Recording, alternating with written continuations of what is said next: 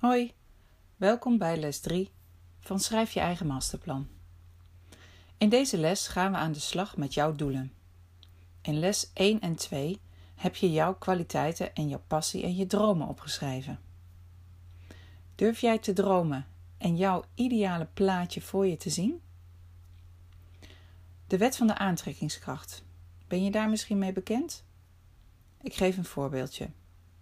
Als je een nieuwe auto wilt gaan kopen, dan denk je eerst na over welk type auto je wilt gaan rijden. Je hebt je focus gezet op een zwarte Mini Cooper. Een hele leuke auto, maar je twijfelt nog een beetje. Gek genoeg zie je dan ineens overal zwarte Mini Coopers rijden. Hoe kan dat eigenlijk? Stuurt het universum allemaal Mini Coopers naar jou toe? Nee, ik denk van niet. In feite is het jouw selectieve zicht dat je ineens die auto laat zien. Want in werkelijkheid is er niets veranderd. Zijn, er zijn niet ineens veel meer van dat type auto's op de weg gekomen. Het is jouw eigen filter van de wereld die zich heeft aangepast en die Mini Cooper gewoonweg vaker ziet. Door dit principe toe te passen op je doelen, krijg je beter zicht op wat je echt wil. En je gaat het ook zien. Dus als je je doelen helder hebt, zie je ook veel beter de kansen voor een succesvolle praktijk.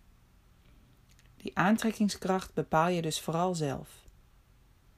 Ik vind het mooi dat je door die persoonlijke successen in een flow kan komen. Maar let wel op dat je een duidelijk plan maakt. Met het stellen van doelen, bepalen van je strategie en het houden van focus op je doelen heb je zelf controle over de belangrijkste factoren voor het succes van jouw praktijk. Een roadmap is een bijzonder krachtig middel om je doelen te verhelderen. Het maakt inzichtelijk welke stappen je moet gaan zetten op praktisch, financieel en persoonlijk gebied.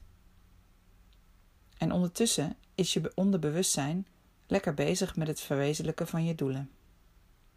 Hoe? Dat ga je ontdekken in de komende les Schrijf je eigen masterplan. Stel jezelf de volgende vragen. Hoe zie je jouw praktijk voor je?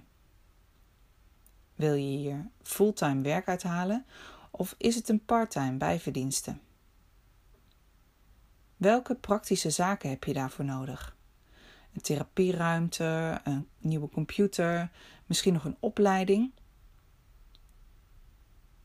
En wanneer is jouw praktijk succesvol? Wat betekent voor jou succes? Waar wil je staan over drie maanden, een jaar en drie tot vijf jaar? In deze les ga je doelen voor jouw eigen praktijksucces opschrijven.